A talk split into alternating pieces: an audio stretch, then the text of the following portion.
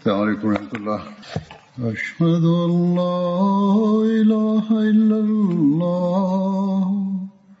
وحده لا شريك له وأشهد أن محمدا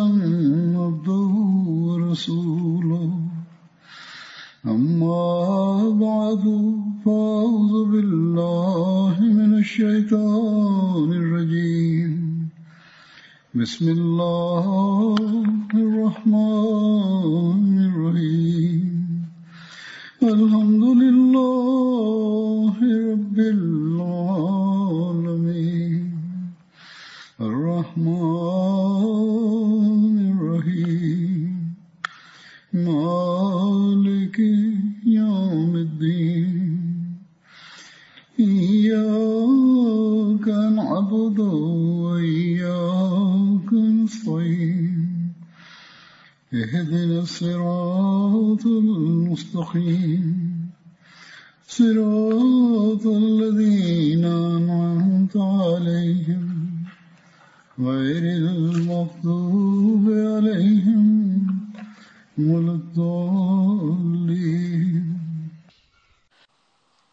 2022ခုနှစ်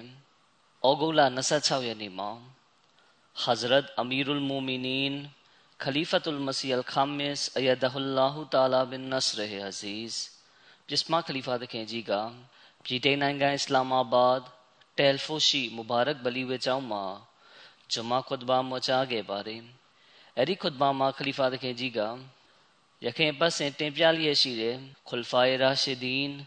ဘလီဝေကျောင်းမှာဂျမာခွတ်ဘာမချာခဲ့ပါတယ်အဲ့ဒီခွတ်ဘာမှာခလီဖာသခင်ကြီးကရခိုင်ပတ်စဉ်တင်ပြလျက်ရှိတဲ့ခွလ်ဖာရာရှီဒီန်တမန်တော်မြတ်ကြီးဆလလောလ္လဟ်အလိုင်းရဲ့ခလီဖာကြီးလေးပါတဲ့က Hazrat Abu Bakr Siddiq ရဒီအလာဟူအန်ဟူတခင်အကြောင်းကိုဆက်လက်မကြားတင်ပြခဲ့ပါတယ်ခလီဖာတခင်ကြီးမိန့်ကြားတော်မူသည်မှာအဘူဘကာဆစ်ဒီကရဒီအလာဟူအန်ဟူတခင်က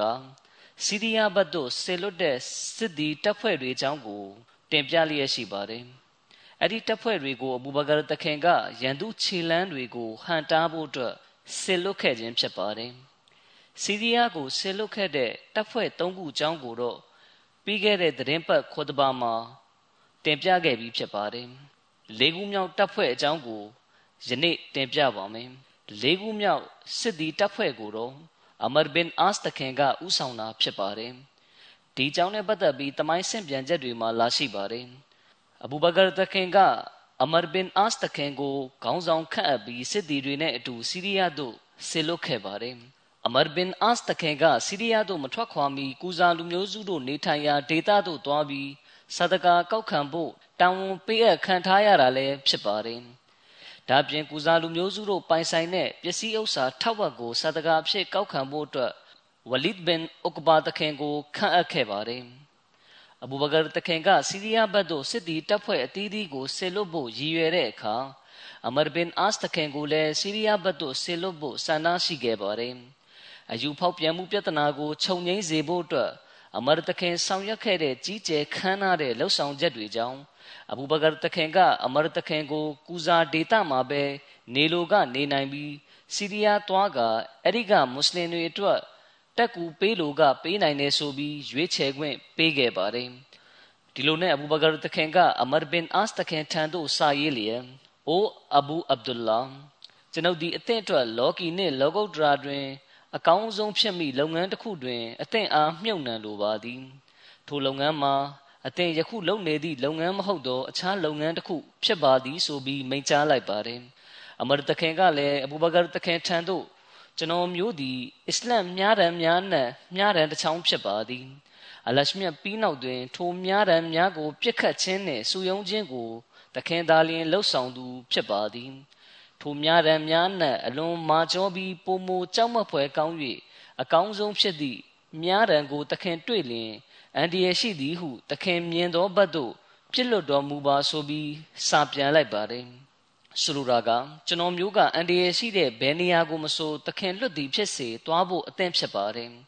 ဒီနောက်အမရဘင်အာစ်တခင်ကမဒီနာသို့ရောက်လာတဲ့အခါအဘူဘကာတခင်ကအမရတခင်ကို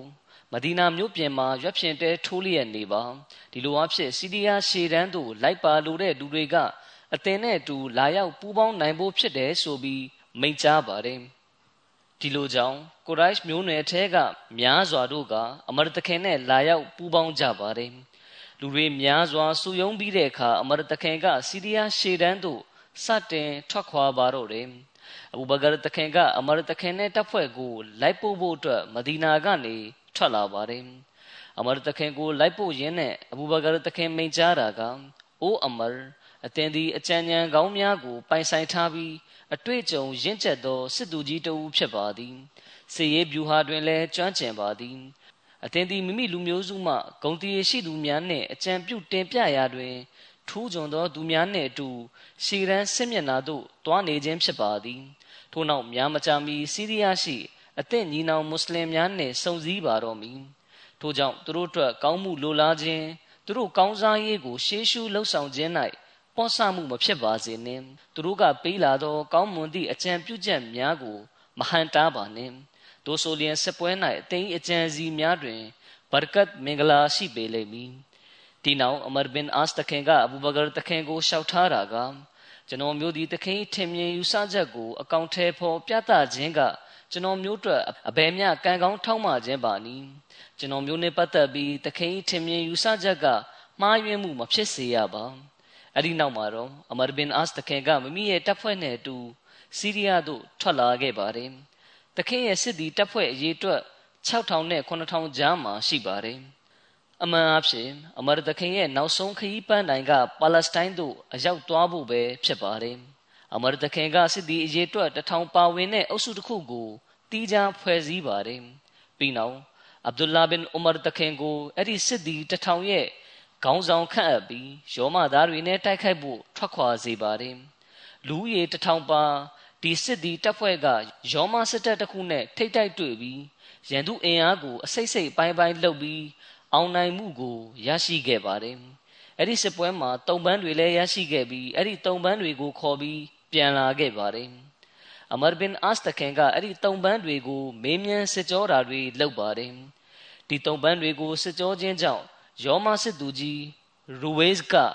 မွတ်စလင်တွေကိုရှောင်းတခင်ဝင်တိုက်ဖို့အသင့်ပြင်ထားပြီးဖြစ်ကြောင်းသိရှိခဲ့ပါတယ်။ဒီခါမရတကေကမိမိရဲ့စစ်သည်တွေကိုစနစ်တကျတန်းတွေဖွဲ့စေပြီးအသင့်ပြင်ဆင်ထားစေတာကြောင့်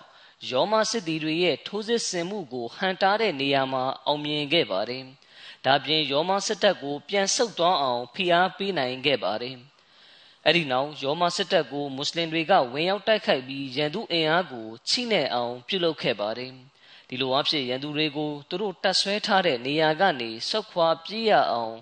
ပြုနိုင်ခဲ့ပါတယ်။ထွက်ပြေးသွားသူတွေရဲ့နောက်သို့အစ္စလမ်စစ်တပ်ကလိုက်ကြပါတယ်။ရောမစစ်သည်ထောင်နဲ့ချီပြီးအသက်ခံခဲ့ရပါတယ်။ဒီစစ်ပွဲကဒီအခြေအနေနဲ့ပဲပြီးဆုံးခဲ့ပါတယ်။ မဒီနာကနေစစ်တပ်အသီးသီးကိုဆစ်လွတ်ပြီးနောက်မှာအဘူဘကာတခင်ကစိတ်ကျဉ်နဲ့တွားခဲ့ပါတယ်။အလရှမြတ်ကမွတ်စလင်တွေအဖြစ်ယောမသားတွေပေါ်အောင်နိုင်မှုကိုပေးသနာလိုက်မယ်ဆိုတာကိုအဘူဘကာတခင်ကအပြည့်အဝယုံကြည်နေခဲ့ပါတယ်။အကြောင်းကတော့မွတ်စလင်စစ်တပ်ထဲမှာမဟာဂျီတာဝကနဲ့အန်ဆာရီတာဝကစုစုပေါင်းအပားတထောင်ကျော်ပါဝင်တာကြောင့်ပါပဲဒီတာဝကတော်တွေဟာအခွင့်အခါတိုင်းမှာ အမြင့်ဆုံးအဆင့်မှာရှိတဲ့တစ္ဆာတီကြီးမြဲမြံမှုကို ပြသခဲ့တာကြောင့်ပါပဲဒီတာဝကတော်တွေကအစ္စလမ်ခေဦးကာလကတမန်တော်မြတ်ဆလလောလဟ်အလัยဟ်နဲ့အတူစစ်ပွဲတွေမှာပါဝင်ခဲ့ကြသူတွေဖြစ်ပါတယ်ဒီတာဝကတော်တွေထဲမှာဘဒရ်စစ်ပွဲ၌ပါဝင်ခဲ့ကြတဲ့တာဝကတော်တွေလည်းပါဝင်ပါတယ်အဲ့ဒီတာဝကတော်တွေနဲ့ပတ်သက်ပြီးတမန်တော်မြတ်ဆလလောလဟ်အလัยဟ်ကမိမိရဲ့ဖန်ဆင်းမွေးမြူရှင်ထံမှာအိုးလာရှင်မြတ် အကယ်၍အရှင်မြတ်ကသာယနေ့မှာဤသေးငယ်သောအုပ်စုငယ်ကလေးကိုပြတ်သုံးစေခဲ့လျင်ကဘာမြေ၌အရှင်အားကိုးကွယ်သူဟု၍ကြံရစ်တော့မီမဟုတ်ပါဆိုပြီးဆုတောင်းခဲ့ပါတယ်မွတ်စလင်တွေနဲ့ယောမတွေကြားစစ်ဖြစ်ချိန်မှာယောမဘုရင်ဟီရာကလီယက်စ်ကပါလက်စတိုင်းသို့ရောက်ရှိနေခြင်းဖြစ်ပါတယ်ဟီရာကလီယက်စ်ကမွတ်စလင်တွေစစ်ရေးပြင်ဆင်နေတဲ့သတင်းကိုရရှိတဲ့အခါသူထိန်းချုပ်တဲ့ပါလက်စတိုင်းနိုင်ငံထဲကခေါင်းဆောင်တွေကိုစုယုံလိုက်ပါတယ်။ သူတို့ရှေ့မှာဆရာတက်ကြွစေမဲ့လှုံ့ဆော်ရေးမိန့်ခွန်းတစ်ခုကိုပြောကြားပြီးမွတ်စလင်တွေကိုစစ်မှတ်တိုက်ခိုက်ကြဖို့လှုံ့ဆော်ပေးခဲ့ပါတယ်။ဟီရာကလီယက်စ်ကမွတ်စလင်တွေနဲ့ပတ်သက်ပြီးတော့သူ့လူတွေကို၎င်းတို့ဟာငတ်ပြတ်နေကြသူတွေဝတ်စရာမရှိအဝတ်ဗလာဖြစ်နေကြသူတွေနဲ့ယဉ်ကျေးမှုမရှိကြသူတွေဖြစ်တယ်။အဲ့ဒီလိုလူတွေကအရက်ဂန္ဓာယကိုဖျက်ကျော်ပြီးအသင်တို့ကိုတိုက်ခိုက်ဖို့လာနေကြပြီ ဒီတော့အသင်တို့ကိုဘယ်သောအခါမှလာတိုက်ဝန်းခြင်းမရှိအောင်သူတို့ကိုအသေးချေတိုက်ခိုက်ကြလက်နက်များစစ်ကူတပ်များဖြင့်အသင်တို့ကိုအပြည့်အဝအကူအညီပေးမယ်အသင်တို့ထဲမှာခန့်ထားတဲ့ခေါင်းဆောင်တွေကိုအပြည့်အဝနာခံလိုက်နာကြပါအောင်မြင်မှုကအသင်တို့အတွက်ပဲဖြစ်ရမယ်စသဖြင့်လှုပ်ဆော်ပြောဆိုပါတယ်ဟီရာကလီယက်စ်ကပါလက်စတိုင်းမှာရှိသူတွေကိုမွတ်စလင်တွေကိုတိုက်ခိုက်လာအောင်တွေးထိုးလှုံ့ဆော်ပေးပြီးနောက်ဒမတ်စကတ်မြို့သို့ထွက်ခွာသွားခဲ့ပါတယ်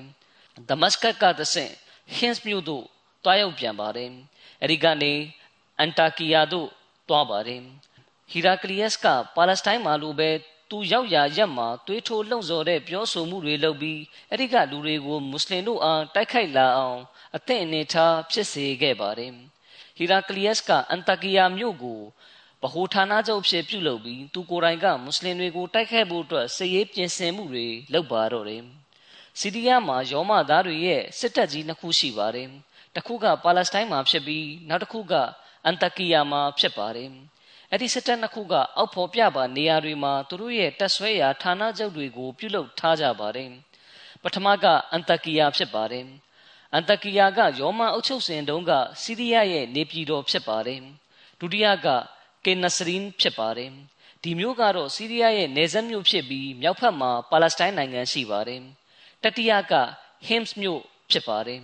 ဒီမျိုးကလည်းစီးရီးယားနယ်စပ်မှာရှိပြီးအနောက်မြောက်ဖက်မှာအီရန်နိုင်ငံရှိပါတယ်စရုထကအိုမန်ဖြစ်ပါတယ်အိုမန်ကဘလကာမြို့ရဲ့ဗဟိုဌာနချုပ်ဖြစ်ပြီးအဲ့ဒီမှာအလွန်ခိုင်မာတဲ့ရဲတိုက်ခံတပ်တွေရှိပါတယ်ပစ္စမကအဂျနာဒိုင်းမြို့ဖြစ်ပါတယ်ဒီမြို့ကပါလက်စတိုင်းနိုင်ငံရဲ့တောင်ဘက်မှာရှိလျက်ရောမအင်ပါယာရဲ့ဗဟိုဌာနချုပ်ဖြစ်ပြီးအာရဗ်ကျွန်းဆွယ်ရဲ့အနောက်ဘက်နဲ့အရှေ့ဘက်နယ်စပ်တွေနဲ့ထိစပ်နေပါတယ် ဆထမကကေဆာရီယာမြို့ဖြစ်ပါတယ်ဒီမြို့ကပါလက်စတိုင်းနိုင်ငံမြောက်ဘက်မှာရှိပြီး73ကီလိုမီတာကွာဝေးပါတယ်အဲ့ဒီမှာရှိတဲ့ခန်တက်ကအကူတိုင်ကြံရစ်နေပါသေးတယ်ရောမအင်ပါယာရဲ့စစ်ရေးစစ်ရာဗဟိုဌာနချုပ်ကတော့အန်တကီယာနဲ့ဟင်းစ်ဖြစ်ပါတယ်စင်ပြန်ချက်တစ်ခုမှလာရှိချက်အရာအစ္စလာမ်စစ်တပ်ကဝင်ရောက်လာနေပြီဆိုတာကိုဟီရာကလီယက်စ်ကသတင်းရရှိတဲ့အခါသူကဥစွာပထမမမိနောက်လိုက်စစ်တီတွေကို အသင်တို့အနေနဲ့မွတ်စလင်တွေနဲ့ပြည်ငိမ့်မှုယူတာပိုကောင်းမယ်ထင်တယ်။အကယ်၍စီးရီးယားပြည်တဝက်လောက်ကိုမွတ်စလင်တွေကိုပေးပြီးပြည်ငိမ့်မှုယူလိုက်မယ်ဆိုရင်အသင်တို့ထံ၌စီးရီးယားပြည်ရဲ့ကြံတဝက်ကရှိနေအောင်မှာဖြစ်တယ်။ဒီအခါမွတ်စလင်တွေကစီးရီးယားနိုင်ငံတစ်ခုလုံးယောမအင်ပါယာအုပ်ချုပ်တဲ့အခြားနယ်မြေဒေသထက်ဝက်ကိုအုပ်ချုပ်လိုက်ခြင်းထက်ပိုမိုကောင်းမွန်ပါလိမ့်မယ်ဆိုပြီးပြောပါတယ်။ ဒါပေမဲ့ယောမသားတွေကထွက်သွားကြပြီးဟီရာကလီယက်စ်ရဲ့စကားကို နားမထောင်ခဲ့ပါဘူး။ဒါကြောင့်ဟီရာကလီယက်စ်ကလည်းသူ့လူတွေကိုစူးစီးပြီးဟင်းစ်တို့ထွက်လာခဲ့ပါတယ်။အဲ့ဒီနောက်စစ်သည်တွေကိုစစ်တိုက်ဖို့အတွက်အသင့်ပြင်ဆင်စေပါတယ်။ဟင်းစ်ကနေတဆင်ဟီရာကလီယက်စ်ကအန်တကီယာတို့ထွက်လာခဲ့ပါတယ်။သူစီမှာစစ်သည်အရေးအတွက်ကအလွန်များပြားတာကြောင့်မွတ်စလင်စစ်သည်တွေနဲ့တိုက်ခိုက်ဖို့အတွက်စစ်တပ်အသီးသီးကိုစစ်လွတ်ပါတယ်။ဒီလိုအဖြစ်မွတ်စလင်စစ်တပ်ရဲ့ အစိပ်ပိုင်းတိုင်းကိုမိမိတို့ရဲ့လူအင်အားများပြားမှုအဖြစ်အာရင်ချိနေသွားအောင် ပြုလုပ်ဖို့အတွက်ဖြစ်ပါတယ်ဒီလိုကြောင့်ဟီရာကလီယက်စ်ကသူ့ညီကိုဖြစ်သူတဒရိကိုစစ်သည်အရေးအတွက်9000နဲ့အတူအမရ်ဘင်အာစ်တခင်ကိုတိုက်ခိုက်ဖို့အတွက်ဆေလွတ်ခဲ့ပါတယ်ပြီးတော့ဂျာဂျာဘင်တောဇိုင်ကိုယဇီဒ်ဘင်အဘူဆူဖီယန်ရဲ့စစ်တပ်နဲ့တိုက်ခိုက်ဖို့အတွက် ဆေလွတ်ပါတယ်ဒီတိုင်းပဲဒေကာဘင်နစတူးစ်ကိုလည်းစစ်သည်အရေးအတွက်6000နဲ့အတူအဘူအိုဘိုင်ဒါတခင်ရဲ့စစ်တပ်နဲ့တိုက်ခိုက်ဖို့ဆေလွတ်ခဲ့ပါတယ်။ဒါပြင်ရှူရာဘီလ်ဘင်ဟဆနာရဲ့စစ်တပ်နဲ့တိုက်ခိုက်ဖို့အတွက်ဒေရာကစ်ရဲ့စစ်တပ်ကိုဆေလွတ်လိုက်ပါတယ်။အဘူအိုဘိုင်ဒါကယောမစစ်သူကြီးဂျာဘီယာနဲ့အနီးဆုံးနေရာမှာရှိနေချိန်တခင်ထံသို့သတင်းပို့ချီမြန်တော်ကသတင်းတစ်ခုယူပြီးရောက်ရှိလာပါတယ်။ အဲ့ဒီသတင်းကတော့ဟီရာကလီယက်စ်ကအန်တကီယာမှာရှိနေပြီးအဘူအိုဘိုင်ဒါဦးဆောင်တဲ့မွတ်စလင်စစ်တပ်ကိုတိုက်ခိုက်ဖို့ဘယ်လောက်တောင်ကြီးမားတဲ့စစ်တပ်ကြီးကိုစုဆောင်းထားသလဲဆိုရင်ရခင်ရှိခဲ့တဲ့ဘိုးဘေးဘီပင်တွေလက်ထက်တုန်းကဘသူကိုမှတိုက်ခိုက်ဖို့အရိလောက်များပြားတဲ့စစ်တီအရေးအတွက်ကိုမခေါ်ဆောင်လာခဲ့ဘူးဘူးဒီတရင်ကိုကြားရပြီးနောက်မှာအဘူအိုဘိုင်ဒါဘင်ဂျရာတခင်ကအဘူဘဂရတခင်ထံစာရေးပါတယ်စာထဲမှာ ကျွန်တော်မျိုးဤသို့တရင်ရရှိသည်ကိုအကြောင်းကြားပါသည်ယောမဘယင်ဟီရာကလီယက်စ်ကစီးရီးယားရှိယောမသားတို့၏နေပြည်တော်အန်တကီယာမှာနေထိုင်လျက်ရှိကြောင်းသိရပါသည်ထို့ပြင်၎င်းကမိမိနေပြည်တော်ရှိပြည်သူပြည်သားတို့အားတိုက်ပွဲထဲပါဝင်လာရန်စစ်သည်များကိုဆေလွတ်လိုက်ပါသည်ပြည်သူတို့ကလည်းကြမ်းတမ်းသောလမ်းများမှ၎င်းလွယ်ကူသောလမ်းများမှ၎င်းဖြတ်ကျော်လျက်ဟီရာကလီယက်ထံသို့လာရောက်စုယုံနေကြပါပြီ ထို့ကြောင့်တခင်တန်ထိုအကြောင်းအရာများနှင့်ဆက်လင်းပြီးသတင်းပို့လျင်တင့်တော်မီဟုယူဆမိပါသည်တို့ဖြစ်ဤကိစ္စကိုမိတို့ဆောင်ရွက်ရမည်နှင့်ဆက်လင်း၍တခင်ကိုယ်တိုင်ဆုံးဖြတ်နိုင်ရန်ဖြစ်ပါသည်ဆိုပြီးရေးထားပါတယ်အဘူဘကာတခင်ကစာကိုလက်ခံရရှိတဲ့အခါခုလိုပြန်စာရေးလိုက်ပါတယ်အသင်စာကိုလက်ခံရရှိပါသည်အသင်ကယောမဘယင်ဟီရာကလီယက်အကြောင်းရေးသားသည့်အကြောင်းအရာကိုကျွန်ုပ်နားလည်သိရှိပါသည်အန်တကီယာတွင်ဟီရာကလီယက်နေထိုင်လျက်ရှိခြင်းက သူနှင့်သူ၏စစ်သည်များကြာရှုံးမိနမိတ်ဖြစ်ပြီးအသင်တို့ကအလရှမြတ်ထံမှအကူအညီများကိုရရှိလိမ့်မည်ဖြစ်ကအောင်ပွဲဆင်ရမည့်လက္ခဏာဖြစ်သည်ထို့ကြောင့်အသင်တို့ကြောက်ရွံ့စိုးရင်စရာမလိုပါဟီရာကလီယက်စ်ကသူ၏နေပြည်တော်ရှိပြည်သူပြည်သားများကိုသူရှိရာအန်တကီယာ၌လာရောက်စုယုံဖို့အလွန်များပြားသောလူအရေးတွက်ဖြင့်လာရောက်ကြဖို့နှင့်ဆက်လင်း၍အသိန်းစာထဲတွင်ပါဝင်ပါသည်၎ င်းတို့ကထိုတိုင်းလှုပ်လိုက်မည်ဆိုသည်ကိုအသင်ရောကျွန်ုပ်တို့ပါမူလကပင်သိရှိပြီးဖြစ်ပါသည်အကြောင်းမူမီသည့်လူမျိုးအုပ်စုကမှမိမိတို့ကိုယ်တိုင်ဆက်မတိုက်ခိုက်မှုမပြုရမချင်းမိမိတို့၏ရှင်ဘရင်ကိုစွန့်လွတ်ရိုးထုံးစံမရှိကြသလိုမိမိတို့၏မင်းနေပြည်တော်မှလည်းထွက်ခွာသွားကြရိုးထုံးစံမရှိသောကြောင့်ဖြစ်သည်သို့သောအလ်ဟမ်ဒူလ illah အလရှမြတ်ကိုချီးမွမ်းထောက်မနာပြုပါသည်၎င်းတို့နှင့်တိုက်ခိုက်မိများစွာသောမွတ်စလင်စစ်သည်တို့က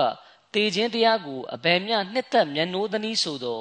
ရန်သူတို့ကအသက်ရှင်တန်ရာခြင်းကိုနှစ်သက်ကြတဲ့ကဲ့သို့ဖြစ်သည်ထို့ပြင်မွတ်စလင်တို့ကစစ်မှတ်တိုက်ခိုက်ရာတွင်မိမိတို့အသက်ခံရသည်ရှိသောယင်းအတွက်အလရှမြတ်ထံတော်မှအလွန်ကြီးမားသည့်ဆုလက်ကိုမျှော်လင့်ကြပါသည်အလာဟ်လန်တော်တွင်ဂျီဟတ်လုပ်ရခြင်းကိုမွတ်စလင်တို့ကအဘယ်မျှနှစ်သက်ကြသနည်းဆိုလျင်ရန်သူတို့ကမိမ့်မပြိုများနှင့်တန်ဖိုးရှိသောဥစ္စာဒနာများကိုနှစ်သက်ကြသည်ထက်ပင်ပုံမိုကြပါသည် စစ်မတိုက်ခိုက်ရာတွင်မွတ်စလင်တယောက်ကရန်သူအထောင်တောင်းထက်ပိုပြီးတာလွန်ကောင်းမြတ်ပါသည်အသင်သည်မိမိစစ်တပ်နှင့်အတူဟီရာကလီယက်စီစစ်တပ်ကိုထိတ်တိုက်တွေ့ပါအသင်ထံတွင်မရှိသောမွတ်စလင်အင်အားစုများအတွက်အသင်ဆိုရင်ပူပန်ခြင်းမဖြစ်ပါနှင့်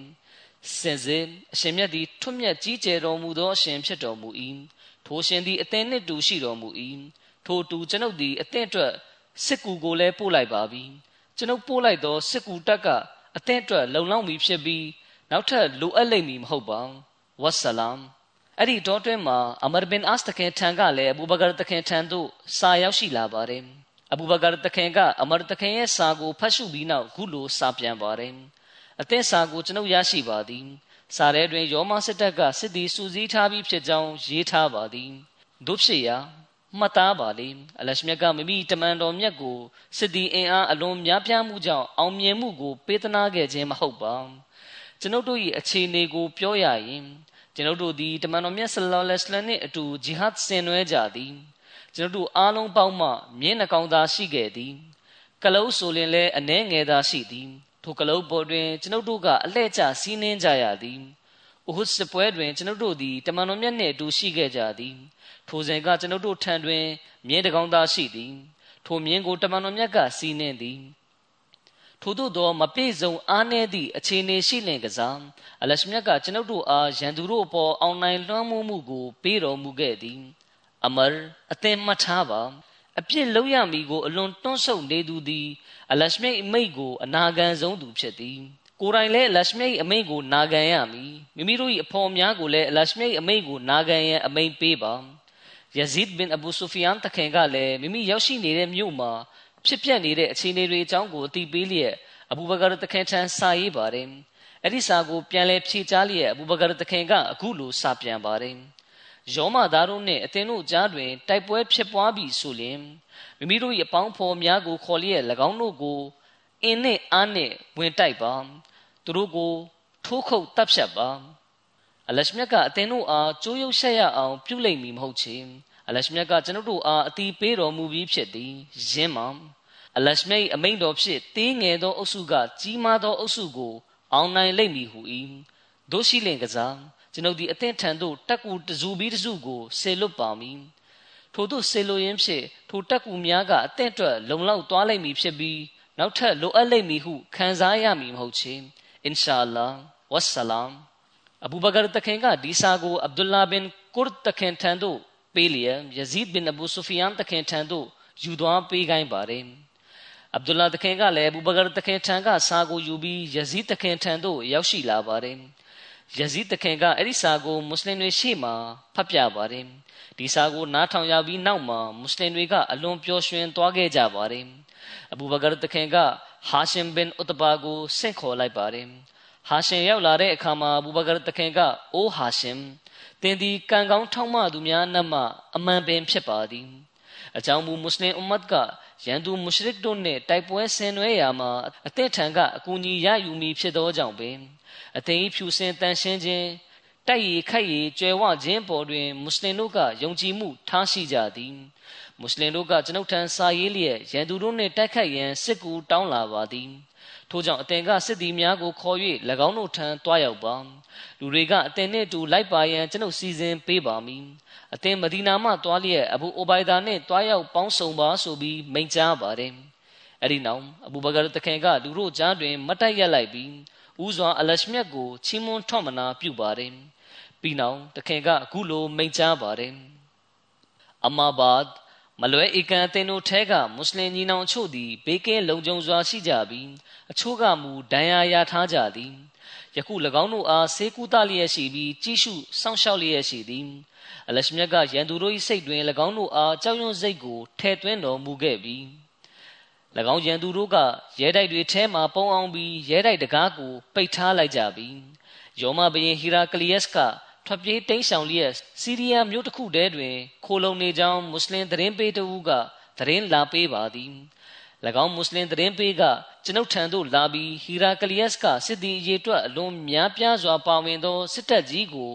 သူခိုလုံရာမြို့မှမွတ်စလင်တို့နှင့်တိုက်ရန်ဆေလွတ်လိုက်ပြီးဖြစ်ကြောင်းသတင်းပို့လာပါသည်ထို့ကြောင့်ကျွန်ုပ်ဆန္ဒရှိသည်မှာအသင်တို့အနေနဲ့မိမိတို့၏မွတ်စလင်ညီနောင်များကိုကူညီရန် အသင်တို့ကိုဆေလွတ်လိုပါသည်အလရှမြတ်ကအသင်တို့ကိုအကြောင်းခံပြီးအသင်တို့၏ညီနောင်မွတ်စလင်တို့အားခွန်အားဖြစ်စေပါလိမ့်မည်ရန်သူတို့အားနှိမ့်ချအောင်လှုပ်တော်မူပါလိမ့်မည်ရန်သူတို့၏စိတ်တွင်မွတ်စလင်တို့အားကြောက်ရွံ့စိတ်ကိုထဲ့သွင်းလိမ့်မည်အလရှမြတ်သည်အသင်တို့အားတနာကျင်နာတော်မူပါစေထို့ကြောင့်အသင်တို့သည်ဟာရှင်ဘင်ဥတဘာနှင့်အတူ ရှေတန်းထွက်ရန်အသင့်ပြင်ဆင်ကြလောအလရှမြတ်ထံကဆုလက်ရရှိမိကိုမျှော်ကိုးကြကုန်အသင်တို့အောင်နိုင်ကြလျင် အောင်ပွဲနှင့်လက်ရပစ္စည်းများစွာကို ပိုင်ဆိုင်ကြလိမ့်မည်အသင်တို့အသက်သေးခဲ့ကြမည်ဆိုလျင်ရှဟာဒတ်ဆိုသည့်ဘွဲ့နှင့်ဂုံတိတ်ခါကိုရရှိကြလိမ့်မည်ဒီလိုမိန့်ကြားပြီးတဲ့နောက်မှာအဘူဘကာတခင်ကမိမိရဲ့အိမ်သို့ပြန်လာခဲ့ပါတယ်လူတွေကလည်းဟာရှင်တခင်ရဲ့အနီးမှာတဖြည်းဖြည်းစုယုံလာကြပါတယ် တစားတစားနဲ့စစ်တီရေတွက်ကများပြားလာပါတယ်ဒီလိုနဲ့စစ်တီရေတွက်တထောင်ပြေသွားတဲ့အခါအဘူဘကာတခင်ကဟာရှင်တခင်ကိုစတင်ထွက်ခွာဖို့အမိန့်ပေးခဲ့ပါတယ်ဟာရှင်ကအဘူဘကာတခင်ကိုဆလမ်ဆိုလီရဲ့နှုတ်ဆက်ကထွက်ခွာလာခဲ့ပါတယ်ဟာရှင်ထွက်ခါကနီးမှာအဘူဘကာတခင်ကအိုးဟာရှင်ကျွန်ုပ်တို့တုံးကလူကြီးသူမများထံကအကြံဉာဏ်များကိုယူလျက်ရင်းမှအကျိုးရယူခံစားလေးရှိခဲ့ကြပါသည်ထို့ပြင်လူငယ်တို့၏ကြန့်ခိုင်မှု စွမ်းရည်ကြီးမားမှုနှင့်တတိရှိမှုစသည်တို့ပေါ်ယုံကြည်ခဲ့ကြပါသည်ယခုလက်ရှမြတ်ကအသင့်အတွင်း၌ထိုရာအားလုံးကိုထည့်သွင်းပေးတော်မူခဲ့ပြီးဖြစ်ပါသည်အသင်သည်အသက်ရွယ်ငယ်ရွယ်ပြီးကောင်းမှုဘက်သို့တိုးလန်းသူဖြစ်သည်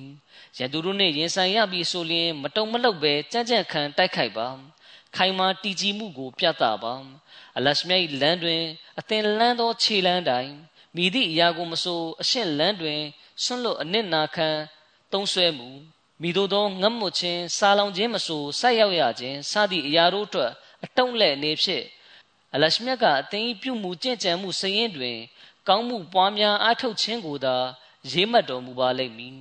အလရှမြတ်သည်ကောင်းမှုပွားများသူတို့နှင့်ကျေးဇူးပြုသူတို့၏ရထိုက်သောဆုလက်ကိုအချီးနှီးဖြစ်အောင်လုပ်သည်ဟု၍မရှိပါဆိုပြီးမိန့်ကြားပါတယ်။ဟာရှင်တခင်ကလည်းအကယ်၍အလရှမြတ်ကကျွန်ုပ်တို့ကောင်းခြင်းကိုလိုလားတော်မူပါလျင်ကျွန်ုပ်သည်ထိုတိုင်းသာပြုလုပ်ဆောင်ရွက်ပါမည်။စွမ်းပကားကိုမူအလားသာပေးတော်မူပါလိမ့်မည်။အကယ်၍ကျွန်ုပ်သည်တိုက်ပွဲ၌အသက်မခံရပါလျင်ရန်သူတို့အားတိုက်ခိုက်ပါမည်။ထိုက်၍တဖန်တိုက်ခိုက်ပါမည်။တဖန်ထိုက်၍တိုက်ခိုက်ပါဦးမည်။ ထို့ပြင်ကျွန်ုပ်သည်တိုက်ပွဲတွင်ကြာဆုံးခြင်းမရှိပါလျင်ရန်သူတို့အားအချိန်ချင်းတိုက်ခိုက်ပါမည်ဆိုပြီးပြောပါတယ်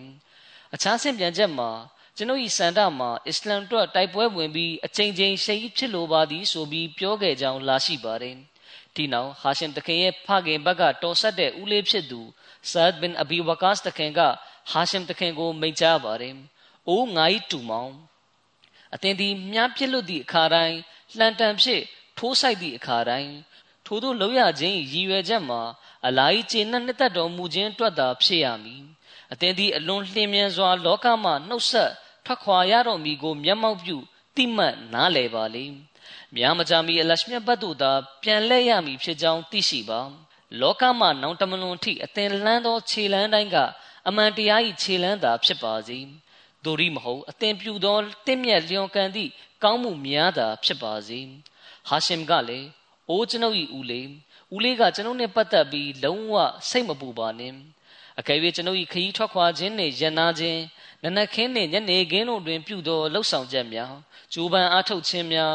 လှန်တန်ဖြင့်ရန်သူတို့အားထိုးဆိုင်ခြင်းဓာဖြင့်ခုတ်ပိုင်းခြင်းစသည်တို့ကလူတို့အားပြာစားကြွားဝါရန်အတွက်ဖြစ်ပါမူကျွန်ုပ်ဒီဆုံးရှုံးနေနာသူများအနက်မှဖြစ်သွားပါလိမ့်မည်ကျွန်ုပ်၏လှုပ်ဆောင်ချက်တိုင်းကအလရှမြတ်အတွက်သာဖြစ်ပါလိမ့်မည် အဲဒီနောက်မှာဟာရှင်တခင်ကအဘူဘကာတခင်ထံကနေထွက်ခွာလာခဲ့ပါတယ်ဟာရှင်တခင်ကအဘူအိုဘိုင်ဒါတခင်ရှိရာဘက်သို့ဦးတီထွက်ခွာလာခြင်းဖြစ်ပါတယ်ဒီလိုနဲ့နောက်ဆုံးမှာဟာရှင်တခင်နဲ့တပ်ဖွဲ့ကအဘူအိုဘိုင်ဒါတခင်ထံသို့ရောက်ရှိလာပါတယ်ဟာရှင်တခင်နဲ့တပ်ဖွဲ့ရောက်ရှိလာတဲ့အခါမွတ်စလင်တွေအားလုံးဝမ်းမြောက်ပျော်ရွှင်သွားကြပါတယ်မွတ်စလင်စစ်သည်တဦးနဲ့တဦးကလည်းဟာရှင်တခင်တို့တပ်ကူရောက်ရှိလာတဲ့အကြောင်းသတင်းကောင်းပြောကြပြီး ပျော်ရွှင်နေခဲ့ကြပါတယ်အဘူဘကာတခင်ကဆာအီဒ်ဘင်အာမီရ်ဘင်ဟိုဇိုင်းတခင်ကိုစီးရီးယားစစ်မျက်နှာသို့ဆေလွတ်လိုကြောင်းဆာအီဒ်တခင်ကသိရှိသွားခဲ့ပါတယ်ဆာအီဒ်တခင်ကမိမိကိုခေါင်းဆောင်ခန့်အပ်ပြီးတပ်ဖွဲ့တစ်ခုနဲ့အတူစီးရီးယားသို့ဆေလွတ်မယ်လို့ယူဆခဲ့ပါတယ်ဒါပေမဲ့အဘူဘကာတခင်ကဆာအီဒ်တခင်ကိုရှေ့တန်းသို့ဆေလွတ်တဲ့နေရာမှာကြံ့ကြာဆိုင်းငံ့ထားခဲ့ပါတယ်အဘူဘကာတခင်ကရက်တန်ကြာအထိ စိတ်တခင်ကိုရှေ့တန်းလွတ်မဲ့အကြောင်းကိုမပြောဘဲရက်တန့်ထားပါတယ်ဒီအခါစိတ်တခင်ကအဘူဘကာတခင်ထံရောက်ရှိလာပြီးအိုးအဘူဘကာတခင်တခင်ကကျွန်ုပ်အားယောမသားတို့ဘတ်သို့ဆေလူရန်ရည်ရွယ်ထားကြောင်းသတင်းရရှိပါသည်သို့သောတခင်ကထိုအကြောင်းကိုမပြောတော့ဘဲနှုတ်ဆက်လိုက်သည်ကိုကျွန်ုပ်တွေ့ရပါသည်ကျွန်ုပ်နှင့်ပတ်သက်ပြီးတခင်ကမိတို့ တွေးနေသည်နည်းဆိုသည်ကိုကျွန်ုပ်မသိပါအကယ်၍သခင်ကကျွန်ုပ်အစားအခြားတဦးကိုခေါင်းဆောင်ခန့်ပြီးဆေလွတ်လိုသည်ဆိုရင်လည်းထိုခေါင်းဆောင်နှင့်အတူကျွန်ုပ်ကိုလည်းအတူဆေလွတ်ပါကျွန်ုပ်တို့ရင်းထက်ပိုပြီးပျော်ရွှင်စရာကိစ္စအခြားရှိမည်မဟုတ်တော့ပါအကယ်၍သခင်ကသာမိသူကိုမျှမဆေလွတ်ဘူးဆိုရင်ကျွန်ုပ်ဒီဂျီဟာဆင်နွှဲရမည်ကိုစိတ်အားထက်သန်ပါသောကြောင့် ကျွန်ုပ်အားရှေ့တန်းရောက်မွတ်စလင်တို့နှင့်တွားရောက်ပေါင်းစည်းရန်ခွင့်ပြုပေးပါအလရှမြတ်ဒီသခင်အားတနာကျင်နာတော်မူပါစေယောမသားတို့သည်အလွန်ကြီးမားသောစစ်တပ်ကြီးကိုစုယုံထားပြီးဖြစ်ကြောင်းကျွန်ုပ်ကြားသိရပါသည်ဆိုပြီးလျှောက်ထားပါတယ်ဒီခါဘူဘကာသခင်ကအိုဆာအစ်ဘင်အာမီရ်အသင်အားတနာကျင်နာသူများအနက်အလွန်အလွန်တနာကျင်နာဆုံးဖြစ်တော်မူသောဖယားသခင်ရှင်မြတ်ကတနာကျင်နာတော်မူပါစေအသင်နှင့်ပတ်သက်ပြီးကျွန်ုပ်သိရသလောက်ပြောရရင် အသင်သည်ညီညွတ်မြတ်တစွာနေထိုင်သူများတင့်တင့်ပြင်းငိမ့်အောင်ပြုသူများနနခင်းတွင်တာဂျွတ်နမတ်ဝတ်ပြုသူများအလရှမြတ်အားအချိန်များစွာချီးမွမ်းထောက်မနာပြုသူများအနက်မှဖြစ်ပါသည်ဆိုပြီးမိန့်ကြားပါတယ်စိတ်တခင်ကလည်းအလရှမြတ်ဒီတခင်အားတနာကျင်နာတော်မူပါစေ အလရှမြတ်သည်ထိုထပ်ပို့ပြီးကျွန်ုပ်ပေါ်ကျေးဇူးများစွာပြုထားပါသည်ကျွန်ုပ်တို့ပိုင်ဆိုင်သမျှအရေးသွေးအားလုံးမှာအရှင်မြတ်ချီးမြှင့်ပေးကမ်းမှုများသာဖြစ်ပါသည်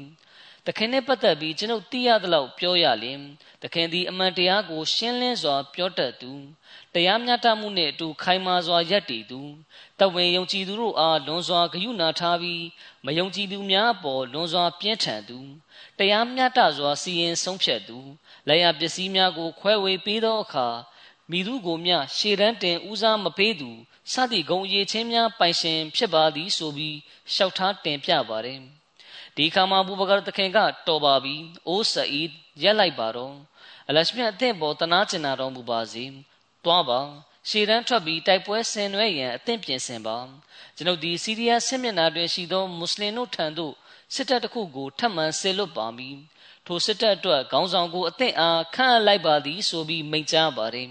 အဲ့ဒီနောက်အဘူဘကာတခင်ကဘီလာတခင်ကိုစစ်ထွက်ဖို့လူတွေကြားမှာကြီးညာပါဆိုပြီးစေခိုင်းပါတယ်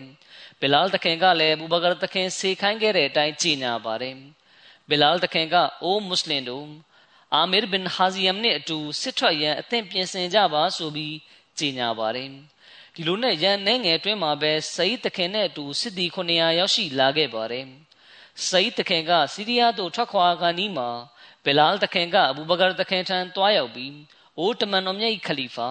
အကယ်၍တခင်ကကျွန်တော်မျိုးအားအလရှမြတ်လို့ငါမိမိစိတ်သဘောအတိုင်းလွတ်လပ်စွာပြုလုပ်ပိုင်ခွင့်ရရှိဖို့အကျိုးရှိသောအလုံးများကိုလုပ်ဖို့ကျွန်ဖြစ်မှလွတ်လပ်ခွင့်ပေးခဲ့သည်မှန်လျင်ကျွန်တော်မျိုးအားကျွန်တော်မျိုး၏ဖန်ဆင်းရှင်၏လမ်းတွင်ဂျီဟတ်ဆင်နွှဲနိုင်ရန်ခွင့်ပြုတော်မူပါဤနေရာတွင်အလကားထိုင်နေရခြင်းထက် ဂျီဟတ်ပြုရခြင်းကိုကျွန်တော်မျိုးပုံမနှစ်သက်ပါသည်ဆိုပြီးလျှောက်ထားပါတယ်အဘူဘကာတခင်ကလည်းကျွန်ုပ်ဒီအသင့်အားအရှင်းလို့ငါကြုံဖြစ်မှလွတ်လပ်ခွင့်ပေးခဲ့ကြောင်းအလရှမြတ်တသေးဖြစ်ပါသည်ယင်းတုံးလက်ဖြစ်မိတို့သောဆုလက်ကိုမြမိတို့သောကျေးဇူးတင်ခြင်းကိုမြမလိုလားပါကဘာမြေသည်အလွန်ကျယ်ပြန့်ပါသည်ထို့ကြောင့်အသင်နှစ်သက်သောလမ်းကိုရွေးချယ်ပြီးရှောက်လန်းနိုင်ပါသည်ဆိုပြီးမိန့်ကြားပါတယ်ဘီလာလ်တခင်ကအိုးစစ်ဒီက ယခုကျွန်တော်မျိုးပြောသောစကားကိုတခင်တမျိုးထင်သွားပြီနှင့်တူသည်တခင်ကျွန်တော်မျိုးကိုစိတ်ဆိုးနေဟန်ရှိပါသည်ဆိုပြီးရှောက်ထားတဲ့အခါအဘူဘကာတခင်ကမဟုတ်ပါကျွန်ုပ်စိတ်မဆိုးပါကျွန်ုပ်၏ဆန္ဒကြောင့်အသက်ဆန္ဒကိုပယ်ဖြတ်လိုက်တာမျိုးကျွန်ုပ်မလိုလားပါအကြောင်းဆိုသောအသိဆန္ဒကအသင်အားအလဘတ်သို့ဖိတ်ခေါ်နေသောကြောင့်ဖြစ်သည်ဆိုပြီးမိန့်ကြားပါတယ်ဘီလာလ်တခင်က တခင်ကသာလူရှိပါလျင်ကျွန်တော်မျိုးသည်တခင်အနားမှာသာနေပြီးရှေ့တန်းထွက်မီမဟုတ်တော့ပါဆိုပြီးရှောက်ထားပါတယ်အဘူဘကာတခင်ကလည်းအကယ်၍အသိဆန္ဒကဂျီဟာဆင်နွဲလိုခြင်းဖြစ်ပါလျင်ကျွန်ုပ်ကအသင်အားစစ်မထွက်ဘဲနေခဲ့ရင်အဘယ်ခါမျှအမိန်ပေးမည်မဟုတ်ပါကျွန်ုပ်ကအသင်အားအာဇန်ဆိုရန်သာဆန္ဒရှိပါသည်။အိုဘီလာလ်ကျွန်ုပ်သည်အသင်နှင့်ခွဲခွာရခြင်းကြောင့်စိတ်တော်ကကြီးစွာဖြစ်ရပါသည်။ သို့သောထို့သောခွဲခွာခြင်းကအရေးကြီးပါသည်။ထိုသည့်နောက်ကယာမတ်တိုင်မိသည့်အခါမျှခွဲခွာရမည်မဟုတ်တော့ပါ။အိုဘီလာလ်အသင်သည်ကောင်းမှုကိုကြင်ကြံအားထုတ်ပါ။ဤလောကသည်အသင်အတွက်ခရီးသွားရိတ်ခါဖြစ်ပါသည်။အသင်အသက်ရှင်နေသမျှကာလပတ်လုံးအလရှမြတ်သည်အသင်အားတတိယတတခြင်းကိုအမြဲရှင်တန်အောင်ထားပါလိမ့်မည်အသင်ကွယ်လွန်သောအခါတွင်လည်းအကောင်းဆုံးသောအကျိုးဆုလက်ကိုရရှိပါလိမ့်မည်ဆိုပြီးမိန့်ကြားပါတယ် ဘီလာလ်တခင်ကအဘူဘကာတခင်ကိုအလရှမဒီတခင်အားရှေရန်ထွက်သွားသောတခင်ညီနောင်နှစ်ဦးထံမှကောင်းမြတ်သောဆုလက်ကိုပေးသနာပါစေအလာအားကျိန်ဆိုပြီးပြောပါသည်တခင်သည်အလရှမြတ်အားနာခံမှုအားလျော်စွာကျွန်တော်မျိုးတို့အားကြံ့ကြံ့ခံမှုအမှန်တရားနှင့်ကောင်းမှုပွားများအားထုတ်မှုကိုကျင့်ဆောင်ပါရန်မိန့်ကြားသည်ဖြစ်၍ ယင်းမှာကျွန်တော်မျိုးတို့အတွက်အသစ်ဆန်းမဟုတ်ပါယင်းကိုကျွန်တော်မျိုးကျင့်ဆောင်ပါမည်ကျွန်တော်မျိုးဒီတမန်တော်မြတ်မရှိတော့သည့်နောက်တွင်မိသူအတွက်မြအာဇန်ဆိုရန်ဆန္ဒမရှိတော့ပါဆိုပြီးလျှောက်ထားတင်ပြပါတယ်အဲ့ဒီနောက်ဆာအစ်ဘင်အာမီရတခင်နဲ့အတူဘီလာလ်တခင်လည်းစီးရီးယားစစ်မျက်နှာသို့လိုက်ပါသွားခဲ့ပါတယ်ဒီနောက်မှာစစ်တဲလိုက်ပါဖို့အဘူဘကာတခင်ထံမှာနောက်ထပ်လူတွေလာရောက်စုယုံကြပါတယ် အဲ့ဒီလူတွေအတွက်မွာဗီယာတခင်ကိုခေါင်းဆောင်ခန့်အပ်ပြီးမွာဗီယာရဲ့ညီကိုယဇီဒ်ဘင်အဘူဆူဖီယန်ချီယာရှေရန်တို့တွားရောက်ပေါင်းစည်းဖို့အမိန်ပေးခဲ့ပါတယ်မွာဗီယာတခင်ကလည်းလူတွေကိုခေါ်ပြီးယဇီဒ်တခင်နဲ့တွားရောက်ပေါင်းစည်းပါတယ်မွာဗီယာတခင်ရဲ့စစ်တပ်ကခါလစ်ဘင်ဆယီတခင်တပ်ဆွဲထားတဲ့နေရာကနေဖျက်ဆီးသွားတဲ့အခါကြံရှိတဲ့တပ်စိတ်ကိုပါအတူတကွခေါ်ဆောင်သွားခဲ့ပါတယ်ဒီနောက်မှာဟမ်ဇာဘင်ဟမ်ဒါနီတခင်က စစ်တပ်တစ်ခုကိုခေါ်လျက်အဘူဘကာတခင်ထံတွားရောက်တွေ့ဆုံပါတယ်ဟမ်ဇာဦးဆောင်တဲ့စစ်သည်ရေတွက်ကတထောင်သို့မဟုတ်တထောင်ထက်ပိုမိုများပြားတဲ့ရေတွက်ရှိပါတယ်ဒါကိုကြည့်ပြီးဘူဘကာတခင်ကအလွန်ဝမ်းမြောက်သွားပါတယ်ပြီးနောက်ဘူဘကာတခင်ကမွတ်စလင်တွေပေါ်မှာလက်ပြပြုထားတဲ့ကျေးဇူးတော်အားလုံးအတွက်ချီးမွမ်းမှုအမှန်တကယ်ခံထိုက်သူမှာအရှင်မြတ်သာလျှင်ခံထိုက်တော်မူတယ်အရှင်မြတ်ကမွတ်စလင်တို့အားကူညီဆောင်မတော်မူရဲ့ မွတ်စလင်တို့စိတ်အေးချမ်းရမယ့်အခြေအနေတွေကိုပေါက်ဖွားစေလျောပေါက်ဖွားစေလျက်ရှိတော်မူတယ်ဒီလိုနီးနဲ့အရှင်မြတ်ကမွတ်စလင်တို့၏ကြောရိုးကိုအင်အားတောင့်တင်းလာအောင်ပြုလုပ်တော်မူခြင်းဖြစ်ပြီးရန်သူတို့၏ကြောရိုးကိုချိုးတော်မူတယ်ဆိုပြီးမိန့်ကြားပါတယ်အဲဒီနောက်မှာဟမ်ဇာကအဘူဘကာတခင်ကိုနောက်ထပ်ခေါင်းဆောင်တဦးကိုခန့်ထားပါသေးသလားဆိုပြီးမေးတဲ့အခါအဘူဘကာတခင်ကမှန်တယ် ကျွန်ုပ်ကခေါင်းဆောင်သုံးဦးခံထားပြီးဖြစ်တယ်။အသင်သူတို့ထဲကနှစ်သက်တဲ့ခေါင်းဆောင်နဲ့တွားရောက်ပေါင်းစည်းနိုင်တယ်ဆိုပြီးမိန့်ကြားပါတယ်။အဲဒီနောက်ဟမ်ဇာကမဒီနာကမွတ်စလင်တွေကိုရှေ့တန်းရောက်ခေါင်းဆောင်တွေထဲမှာအမြင့်မြတ်ဆုံးနဲ့တမန်တော်မြတ်နဲ့အနီးဆက်ဆုံးသူဘသူပါနီးဆိုပြီးမေးပါတယ်။မွတ်စလင်တွေကလည်းအဘူအိုဘိုင်ဒါဘင်ဂျရာဖြစ်တယ်လို့ပြောကြပါတယ်ဒီလိုကြောင့်ဟမ်ဇာကလည်းအဘူအိုဘိုင်ဒါရဲ့စစ်တပ်နဲ့တွားရောက်ပေါင်းစည်းခဲ့ပါတယ် ဒါကလည်းနောက်ပိုင်းမှာမွတ်စလင်ဖြစ်လာကြသူတွေရဲ့တမန်တော်မြတ်ပေါ်ထားရှိတဲ့ချစ်ချင်းကိုဖော်ပြမှုပဲဖြစ်ပါတယ်တမန်တော်မြတ်နဲ့နီးစပ်သူရဲ့အပားမှာနေထိုင်လူချင်းကသူတို့ရဲ့ဆန္ဒဖြစ်ပါတယ်ဂျီဟတ်ဆင်နွဲဖို့တပ်ဖွဲ့ဝင်တွေအသီးသီးရောက်ရှိလာခြင်းအစဉ်လာကမဒီနာမှာဆက်လက်ဖြစ်ပေါ်နေခဲ့ပါတယ်မဒီနာကတဆင့်စစ်သည်တွေကရှေ့တန်းသို့ထွက်ခွာကြတာဖြစ်ပါတယ်အဘူဘကာတခင်ကလည်းစီးရီးယားစစ်မျက်နှာသို့ဆေလွတ်ပေးလျက်ရှိပါတယ်အခြားတစ်ဖက်မှာအဘူအိုဘိုင်ဒါတခင်ကလည်း အဘူဘကာတခင်ထံစာရီပုံမှန်ရေးသားပေးပို့လျက်ရှိပါတယ်စာထဲမှာယောမသားနဲ့ယောမလောက်ခံလူမျိုးစုတွေကမွတ်စလင်တွေနဲ့တိုက်ခိုက်ဖို့အလွန်များပြားတဲ့စစ်သည်အရေးတွက်နဲ့ရောက်ရှိနေကြပြီဖြစ်ကြောင်းဒီလိုချင်းနေမှာကျွန်တော်မျိုးအနေနဲ့ဘာလုပ်တင်တယ်လဲဆိုတာကိုလမ်းညွှန်တော်မူပါဆိုပြီးရေးထားပါတယ်အဘူအိုဘိုင်ဒါတခင်ထံကတစောင်ပြီးတစောင်ရောက်ရှိလာတဲ့စာတွေကြောင့်အဘူဘကာတခင်ကခါလစ်ဘင်ဝလီတခင်ကိုစီးရီးယားစစ်မျက်နှာသို့ဆေလွတ်ရန် ဆုံးဖြတ်ခဲ့ပါတယ်အဘူဘကာတခင်ကအဘူအိုဘိုင်ဒါတခင်ထံသို့မလွဲဧကန်ကျွန်ုပ်ဒီခါလစ်ဘင်ဝလီအားဖြင့်ယောမသားတွေကိုသူတို့ရဲ့မိစ္ဆာဆန်တဲ့စိတ်ဓာတ်တွေကိုမေ့ပြောက်သွားအောင်လုပ်မယ်ဆိုပြီးစာပြန်ခဲ့ပါတယ်အဲ့ဒီတုန်းကခါလစ်တခင်ကအီရတ်စစ်မြေပြင်မှာရောက်ရှိနေခြင်းဖြစ်ပါတယ်အဘူဘကာတခင်ကခါလစ်တခင်ကိုစီးရီးယားသွားပြီးအစ္စလမ်စစ်တပ်ကိုဥဆောင်ဥရပြုဖို့လမ်းညွှန်မိန့်ကြားခဲ့ပါတယ်။တစ်ဖက်မှာအဘူဘကာတခင်ကအဘူအိုဘိုင်ဒါထံသို့ ခုလိုစာရေးပေးပို့ခဲ့ပါတယ်။အမာဘတ်စီးရီးယားတိုက်ပွဲအတွက်ခါလစ်ကိုခေါင်းဆောင်တောင်းဝင်ပေးအပ်လိုက်ပြီးအသင်ကသူ့ကိုစန့်ကျင်တာမျိုးမလုပ်ပါနဲ့။သူ့စကားကိုနားထောင်ပြီးသူပေးတဲ့အမိန့်တိုင်းလိုက်နာဆောင်ရွက်ပါ။အသင်ရဲ့အထက်မှာခါလစ်ကိုခေါင်းဆောင်ခန့်ရရခြင်းကအသင်ဟာကျွန်ုပ်အမြင်၌သူ့ထက်မြင့်မြတ်သားလွန်သူမဟုတ်တာကြောင့်မဟုတ်ပါ။ အမှန်ကကျွန်ုပ်အမြင်အရစီရေးဗျူဟာကိုခါလစ်လောက်အသင်မကျွမ်းကျင်သောကြောင့်ဖြစ်သည်အလရှမြတ်သည်ကျွန်ုပ်တို့ရောအသင်အတွက်ပါကောင်းခြင်းကိုသာရည်ရွယ်တော်မူပါစေဝဆလမ်ခါလစ်တခင်ရဲ့အီရတ်ကနေစီးရီးယားဘက်သို့တွားတဲ့ခရီးစဉ်နဲ့ပတ်သက်ပြီးတမိုင်းဆင့်ပြန်ချက်တွေမှာဖော်ပြလာရှိပါတယ်အဘူဘကာတခင်ထံကစာကိုခါလစ်တခင်ရရှိသောအခါစစ်သည်ရေတွက်900သို့မဟုတ်600သို့မဟုတ်9000တို့ကိုခေါ်လျက်စီးရီးယားဘက်သို့ထွက်ခွာလာခဲ့သည် အရေးတွက်ကွာခြားခြင်းကစင့်ပြန်ချက်အသီးသီးမှာမတူညီတဲ့အရေးတွက်ပမာဏတစ်မျိုးစီကိုဖော်ပြထားတာကြောင့်ပါပဲတချို့စင့်ပြန်ချက်တွေမှာကယာကနန်းလောက်သာဖော်ပြထားပြီးတချို့စင့်ပြန်ချက်တွေမှာတော့ထောင်ကနန်းကိုဖော်ပြထားပါတယ်ခါလစ်တခင်ကကိုရာကိန်းမြို့သို့ရောက်ရှိသောအခါထိုမြို့၌ရှိသောရန်သူများနှင့်တိုက်ခိုက်ပါသည်ထိုမှတဆင့်ဂန္နာယကိုဖျက်ကျော်လျက်အလွန်ခတ်ထန်ကြမ်းတမ်းသောလမ်းများကိုဖျက်ပြီး အလံအနက်ရောင်ကိုလွှင့်ထူကာဒမတ်စကတ်မြို့နီးရှိဆနီယတ်လ်အိုကာဘ်သို့ရောက်ရှိလာသည်ထိုလန်ကတမန်တော်မြတ်ဆလောလ္လဟ်အလိုင်းအလံတော်ဖြစ်ပြီးထိုလိုင်းနာမည်မှာအိုကာဘ်ဖြစ်သည်ထိုလန်ကိုအစွဲပြုပြီးထိုဂျိုင်ဝမ်၏အမိမှာလည်းဆနီယတ်လ်အိုကာဘ်ဟုတွင်သွားခြင်းဖြစ်သည်ထိုသည့်နောက်ဒမတ်စကတ်မှတဆင်ရှေ့ဘက်မအူးမှနေ၍တမိုင်အကွာဝေးသောနေရာတွင်ခါလစ်တခင်ကစခန်းချလိုက်သည်အဘူအိုဘိုင်ဒါတခင်က ခါလစ်တခင်နှင့်ထိုနေရာမှာပင်တွေ့ဆုံခဲ့ခြင်းဖြစ်သည်ရန်သူတို့အားဝိုင်းရန်လိုက်ခြင်းမှာခါလစ်တခင်တက်ဆွဲစခန်းချသောထိုနေ့မှာပင်ဖြစ်သည်တချို့စင်ပြန်ချက်တွေမှာလာရှိကြရာခါလစ်တခင်ကဒမတ်စကတ်မြို့နီးဝန်းကျင်မှာရက်တော်ကြာအထိစခန်းမချဘဲရှေ့ဆက်တိုးသွားပြီးဘူစရာမြို့အဆက်သို့ရောက်ရှိခဲ့ပါတယ်ခါလစ်တခင်ကမိမိရဲ့မွတ်စလင်စစ်သည်တွေနဲ့အတူဘူစရာမြို့ထဲသို့ဝင်ရောက်တဲ့အခါအဖက်ဖက်မှာရှိတဲ့မွတ်စလင်စစ်သည်အားလုံးက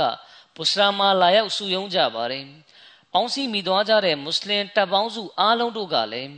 ခါလစ်တခင်ကိုမိမိတို့ရဲ့ခေါင်းဆောင်ဖြစ်တင်မြှောက်လိုက်ကြပါတယ်။ပြီးနောက်မြို့တစ်ခုလုံးကိုမွတ်စလင်တွေကဝိုင်းရန်ပိတ်ဆို့လိုက်ကြပါတယ်။အချို့ပညာရှင်တွေကဘူစရာမြို့သိမ်းတိုက်ပွဲမှာမွတ်စလင်ခေါင်းဆောင်ကယဇီဒ်ဘင်အဘူဆိုဖီယန်ဖြစ်တယ်လို့ဆိုကြပါတယ်။အကြောင်းကတော့ယဇီဒ်တခင်ကဒမတ်စကတ်မှာ ခေါင်းဆောင်ဖြစ်တာဝန်ယူပြီးစစ်စင်ရေးလုပ်နေတာဖြစ်တဲ့အတွက်ဘူစရာကလည်းဒမတ်စကတ်နဲ့အနီးမှာရှိတာကြောင့်ယဇီတခင်ကပဲခေါင်းဆောင်ခြင်းဖြစ်နိုင်တာကြောင့်ပါပဲအဲ့ဒီမျိုးကမျိုးသူမျိုးသားတွေကယဇီတခင်နဲ့ပြည်ငိမ့်မှုယူပြီးမွတ်စလင်တို့အားအခွန်ပေးဆောင်မှဖြစ်ကြောင်းမွတ်စလင်တို့ရဲ့အသက်အိုးအိမ်စည်းစိမ်နဲ့မွတ်စလင်တွေရဲ့သားသမီးတွေကိုလုံခြုံမှုပေးမယ်လို့ဂရုပြုခဲ့ကြပါတယ်အဲ့ဒီနောက်အဂျနာတိုင်းစစ်ပွဲအကြောင်းကိုတင်ပြပါမယ် အဂျနာတိုင်းဆိုတာကပါလက်စတိုင်းနိုင်ငံရဲ့လက်အောက်မှာရှိတဲ့မြို့တစ်ခုဖြစ်ပါတယ်။ပုစတာမြို့ကိုအောင်နိုင်ပြီးနောက်ခါလစ်တခင်အဘူအိုဘိုင်ဒါတခင်ရှူရာဘီလ်တခင်ယဇီဒ်ဘင်အဘူဆိုဖီယန်စသူတို့ကိုခေါ်ပြီးအမရ်ဘင်အာစ်တခင်ကိုကူညီဖို့အတွက်ပါလက်စတိုင်းသို့ထွက်ခွာလာခဲ့ကြပါတယ်။အဲ့ဒီတုန်းကအမေရိကန်ကပါလက်စတိုင်းနိုင်ငံမှာရှိနေပါတယ်။အမေရိကန်ကမွတ်စလင်စစ်တပ်နဲ့လာရောက်ပေါင်းစည်းလိုပေမဲ့ရောမစစ်တပ်ကတခင်နောက်သို့ထက်ချက်မကွာလိုက်နေကြပါတယ်။ အမေရိကန်ကိုစစ်တိုက်လာအောင်ရောမစစ်တပ်ကဖိအားပေးနေတဲ့အနေအထားမှာရှိပါတယ်။မွတ်စလင်စစ်ကူတွေလာနေပြီဆိုတာကိုရောမစစ်တပ်ကသိရှိတဲ့အခါ၎င်းတို့ကအဂျနာတိုင်းဘက်သို့ရှောင်ဖယ်သွားကြပါတယ်။အမရဘင်အစ်တခင်ကအစ္စလမ်စစ်တပ်ရောက်ပြီးဆိုတာကိုကြားသိချိန်မှာမိမိရောက်နေတဲ့ပါလက်စတိုင်းနယ်စပ်ကနေထွက်လာပြီးမွတ်စလင်စစ်တပ်နဲ့လာရောက်ပေါင်းစည်းပါတယ်။အဲဒီနောက်မှာမွတ်စလင်တပ်ပေါင်းစုကြီးကအဂျနာတိုင်းမြို့မှာတွားရောက်စုယုံခဲ့ကြပါတယ်။ ရောမသားတွေကလည်းမွတ်စလင်တွေကိုကြောက်ပြီးတခြားဘက်သို့ထွက်သွားကြပါတယ်။အခြားသမိုင်းဆင်ပြန်ချက်တစ်ခုမှလာရှိပါတယ်။မွတ်စလင်တပ်ပေါင်းစုကအဂျနာတိုင်းသို့မတွားရောက်မီခါလစ်တခင်ကဘုစရာအစားဒမတ်စကတ်ကိုဝိုင်းရန်ပိတ်ဆို့ထားခဲ့ပါတယ်။အဘူအဘိုင်ဒါတခင်ကလည်းခါလစ်တခင်နဲ့တူရှိပါတယ်။အဲ့ဒီတော်တွင်ယောမဘယင်ဟီရာကလီယက်စ်ကဒမတ်စကတ်သားတွေကိုစစ်ကူပေးဖို့အတွက်စစ်သည်တွေကိုဆစ်လွတ်ပြီးဖြစ်ပါတယ်။ယောမစစ်ကူတပ်နဲ့မွတ်စလင်တွေကြားမှာတိုက်ပွဲဖြစ်ပွားပါတယ်။ ဒီကြောင့်ကိုဒမတ်စကတ်စစ်ပွဲကြောင့်တင်ပြတဲ့အခါမှာပြောပြသွားပါမယ်။ဒမတ်စကတ်ကိုဝိုင်းရန်ပိတ်ဆို့ထားချိန်မှာခါလစ်တခင်နဲ့အဘူအိုဘိုင်ဒါကဟစ်မြို့ရှိဘရင်ကန်ကမွတ်စလင်တွေကိုတိုက်ခိုက်ဖို့စစ်တပ်စုဆောင်းထားပြီးဖြစ်ပါတယ်ဒီလိုအဖြစ်ဘူစရာမှာရှိနေတဲ့ရှူရာဘီလ်ဘင်ဟဆနာတခင်ရဲ့ထွက်လန်းကိုပိတ်ဆို့လိုက်ဖို့ဖြစ်ပါတယ်ဒါပြင်အလွန်ကြီးမားတဲ့ယောမစစ်တပ်ကအဂျနာတိုင်းကိုခုံဝင်လာကြပါတယ်အဲ့ဒီသတင်းကခါလစ်တခင်နဲ့အဘူအိုဘိုင်ဒါကို စိတ်ပူပန်စေခဲ့ပါတယ်အကြောင်းကတော့အဲ့ဒီတုန်းကဒီစစ်သူကြီးနှစ်ဦးကဒမတ်စကတ်မြို့မှာတိုက်ပွဲဖြစ်နေတာကြောင့်ပါပဲဒီအခါမှာခါလစ်တခင်နဲ့အဘူအိုဘိုင်ဒါတို့ကတိုင်ပင်ဆွေးနွေးကြပါတယ်အဘူအိုဘိုင်ဒါကကျွန်ုပ်တို့ဒီနေရာကနေထွက်ပြီးရန်သူတွေကရှရာဘီလ်ထံမရောက်မီကျွန်ုပ်တို့ကသူ့ထံအရောက်သွားမှဖြစ်မယ်ဆိုပြီးတင်ပြပါတယ်ခါလစ်တခင်ကအကယ်၍ကျွန်ုပ်တို့ကရှရာဘီလ်ထံသို့သွားခဲ့မယ်ဆိုရင်အဂျနာတိုင်းမှာရှိတဲ့ယောမစစ်တပ်က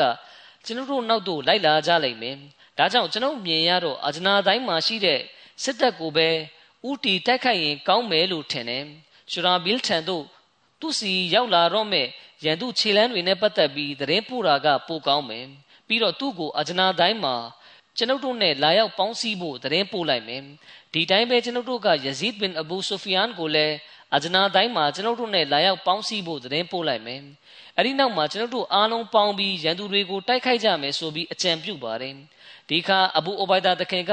ဒီကြံဉဏ်ကအလွန်ကောင်းမွန်တယ်အလရှမြတ်ဒီကြံပြုချက်ပေါ်မှာဘရကတ်ပေးတော်မူပြီးအဲ့ဒီတိုင်းလိုက်နာနိုင်စွမ်းပေးပါစေဆိုပြီးပြောပါတယ်